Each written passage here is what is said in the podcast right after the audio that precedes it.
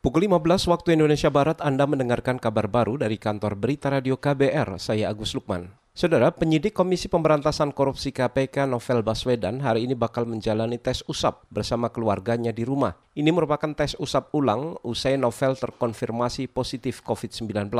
Informasi itu disampaikan Ketua Wadah Pegawai KPK Yudi Purnomo. Ia berharap Novel Baswedan segera bebas dari virus corona agar bisa kembali bekerja. Tentu kami prihatin dengan apa yang terjadi karena untuk sementara berarti Bang Novel tidak bekerja dulu. Kami berharap Bang Novel cepat sembuh dan bisa bergabung kembali dengan kami para pegawai KPK lainnya untuk tetap memberantas korupsi di negeri ini. Walaupun memang saat ini merupakan masa-masa pandemi. Itu tadi Ketua Wadah Pegawai KPK Yudi Purnomo. Sebelumnya, Novel Baswedan melalui akun media sosialnya membenarkan terkonfirmasi positif COVID-19.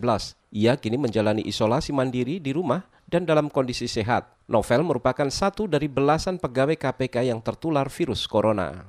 Kita ke Jawa Tengah, saudara intensitas penggunaan gawai atau perangkat genggam elektronik pada anak-anak di Solo rentan dimanfaatkan pelaku kejahatan. Pemerintah setempat meminta pengawasannya diperketat. Laporan selengkapnya bersama kontributor KBR Yuda Satriawan. Pemerintah Kota Solo meminta pengawasan penggunaan gawai pada anak-anak diperketat.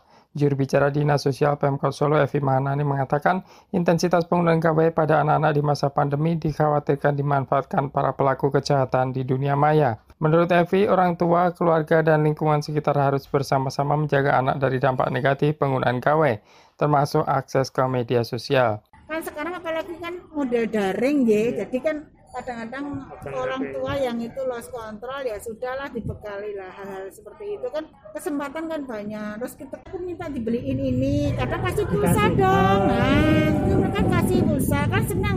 Coba di, dibuka pertamanya mungkin di dada dulu. Setelah itu apa lah kan nggak nggak sadar. Terus kemudian dan harapannya keluarga masyarakat dan lingkungan itu untuk terus selalu mengawasi. Walaupun itu bukan anak-anak mereka. Ada sekitar 90 ribu siswa di Solo yang menjalani belajar dari rumah sejak awal pandemi Maret lalu. Pemerintah Kota Solo juga mencari alternatif pembelajaran daring dari gawai dengan menggunakan siaran radio anak Konata atau Komunitas Anak Kota Surakarta.